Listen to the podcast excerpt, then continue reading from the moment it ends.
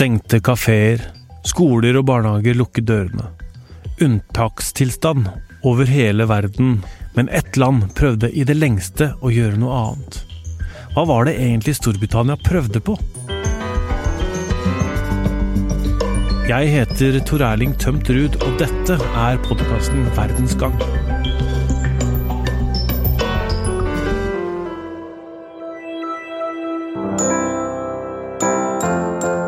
Fram til nå var planen til britene at eh, befolkningen skulle bli smitta, og så utvikle immunitet. For det har funka før, på øya på den andre sida av Nordsjøen. Det er mye vi ikke veit om koronaviruset. F.eks. hvor lang tid det tar fra man er smitta til man blir syk, eller hvor lenge man er smittsom, eller hvor mange av de syke som trenger sykehusinnleggelse. Men det man er enige om, er at det er noen faktorer som spiller inn på hvordan vi kan forsinke bølgen av folk som blir syke av koronaviruset, og hvordan det sprer seg. Det ene er at vi må være nøye med vår egen hygiene. Vi må vaske hendene.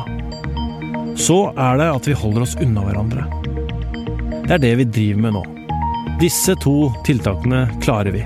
De to siste faktorene som hvor lenge man er syk og hvor mange som kan bli syke, er det vanskelig å gjøre noe med. Flokkimmunitet er stikkordet for å forstå hvorfor Storbritannia med rundt 2000 påviste smitta venta i det lengste med å sette i gang de samme tiltakene som andre land med ukontrollert koronasmitte har gjort. Jeg har snakka med Ørjan Olsvik, professor i mikrobiologi ved Universitetet i Tromsø, på telefon. Vi ser at flere og flere land gjør det samme nå. De stenger mer eller mindre ned hele samfunnet og oppfordrer folk til å holde seg hjemme. Ørjan, kan du forklare modellen som gjør at eksperter over hele verden mener at dette er det riktige å gjøre? Ja, Den betyr at vi ønsker å forsinke eh, utbruddet, sånn at det blir en slakkere kurve, og at man ikke kommer opp i veldig mange syke på en gang som vil trenge hjelp, som vi nok ikke har stor nok kapasitet til.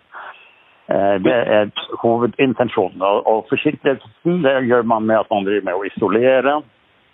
Man eh, legger ned aktiviteten i skoler, universitet. Så mye som man klarer uten å lamme sentrale funksjoner. As we've said over the last few weeks, we have a clear plan that we are now working through. And we're now getting on to the next phase in that plan because this is now not just an attempt to contain the disease as far as possible, but to delay its spread and thereby minimize the suffering. Storbritannia har prøvd å gjøre det litt annerledes. Der har man tenkt at det vi kaller flokkimmunitet, eller herd immunity, kan være det som gjør at landet klarer å begrense smittespredningen. Denne tanken går ut på at smitteutbruddet skal få gå sin gang, og så håper man at så mange som mulig blir immune. Det vil si at de skal få viruset, og få bare en mild sykdom. Når de har vært syke og blitt friske, så skal de ifølge denne modellen være immune etterpå. Men det er et men i denne modellen. Problemet er at selv om mange som 80% får en mild sykdom, så er det ganske stor risikogruppe som består av eldre og syke som vil bli alvorlig syke, og ofte trenger hjelp på sykehus. Det er ikke så rart at Storbritannia har prøvd denne metoden. De har god erfaring med denne formen for naturlig immunitet. England, som tidligere kolonimakt, er vant med å få både skumle og rare sykdommer inn i befolkningen. Det er risiko å kjøre det løpet der. Det er utvilsomt. Jeg tror vårt løp med å lage delvis isolering, senke viruset, og samtidig ta så godt vare på som mulig de som er på sykehus, en, en bedre modell. Hva er det som er risikoen i Storbritannia? Ja, det er at Hvis de nå får viruset som brer seg overalt, og så sprer seg f.eks. til helsearbeidere og slikt, så vil man kunne smitte eh, de syke og de gamle. Og Da vil man få en, en, en, en større dødsprosent, eller sykdomsprosent eventuelt dødsprosent der. Men nå har også Storbritannia altså innført disse strenge tiltakene som vi ser rundt om i resten av verden. No more visiting friends. You shouldn't travel either unless it's essential. No going to work. Without drastic action, cases could double every five or six days. Vi har et land som er enda tettere på oss, Sverige. Et land som ligger så tett opp til oss, har gjort ting annerledes enn oss her i Norge. Ørjan, hva er det Sverige har gjort? De kjørte en delvis engelsk modell, hvor de eh, mente at man kunne få sånn herd immunity, at man lot viruset bare, bare gå.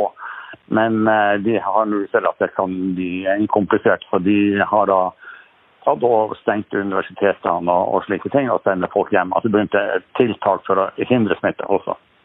Beslutet att förbjuda allmänna sammankomster med mer än 500 personer är unikt, men jag vill samtidigt förbereda det svenska folket på fler beslut som stör vardagslivet, orsakar problem.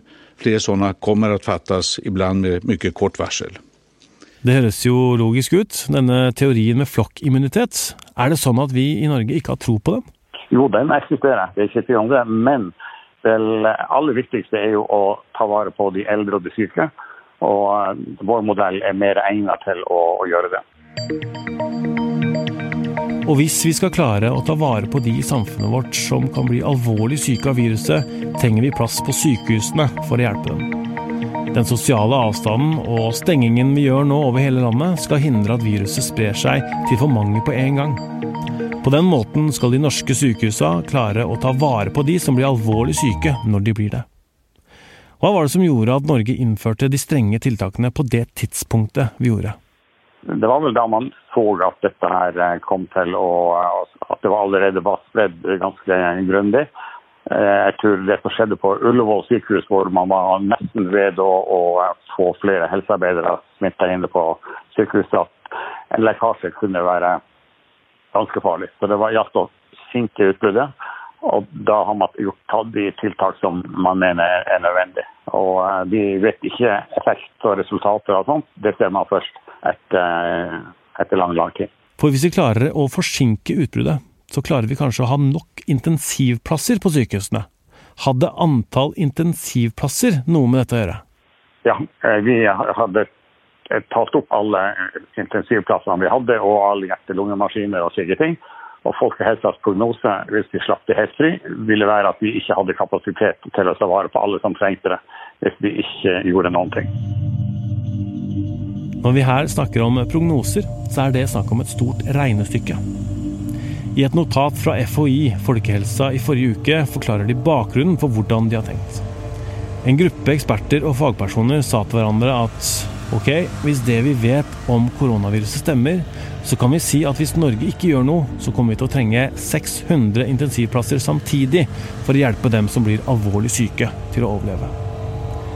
Men siden ingen er helt sikre på dette viruset, var det ikke helt sikkert at de forutsetningene de la inn i det første regnestykket, var riktige.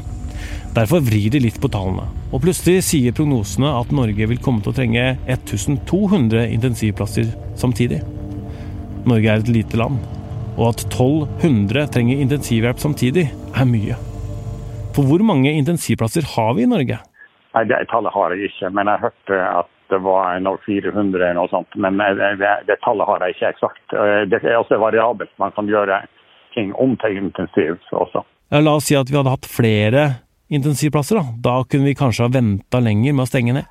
Ja, det kunne vi kanskje. Men uh, jeg tror den modellen vi, vi valgte, var den, den safeste. For noen lurer på om vi har stengt ned samfunnet for tidlig. For hva skjer når vi åpner det igjen? Vil vi da få en bratt smittekurve, dvs. Si at mange blir smitta samtidig igjen? Er det en risiko? Ja, det tror jeg nok. Hvis vi fjerner alle tiltak samtidig, eh, så vil det være veldig mange mennesker som har vært beskytta for smitte, som nå vil bli eksponert.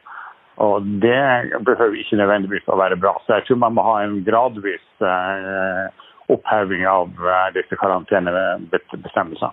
Og hvordan kan vi vite at vi får en ny smittetopp når vi åpner? Det vet vi ikke, men det må vi faktisk anta. Når vi har holdt så mange mennesker borte fra viruset, og det finnes virus i, eh, i samfunnet, så må vi anta at mange av disse vil bli smitta. Er det sånn at vi må da innføre stengetiltak på nytt etter første bølge? Det tror jeg ikke vil være natt naturlig, men eh, det kan hende at vi innfører tiltak rundt spesielle grupper av mennesker. Og når skal vi åpne igjen, da? Når kan barnebarna besøke besteforeldrene sine igjen? når tiden er inne. Og det vet ikke jeg, for jeg kan ikke se inn i fremtiden. Er det en uke eller to, eller er det en måned eller tre måneder? Når er det? Det, det, det kan jeg ikke si noe spesielt om. Men det er klart vi kan ikke ha så harde tiltak over lang lang tid uten at det får store konsekvenser for samfunnsfunksjoner. Fra hjemmekontor lager vi Verdensgang. Kristine Hellesland, Nora Torp Bjørnstad, Emilie Halltorp og jeg heter Tor Erling Tømmer. Magne Antonsen er vår tekniske produsent, og har du spørsmål, innspill til oss, så gå inn på Facebook-gruppa vår Verdens Gang, en daglig nyhetspodkast. Vi høres!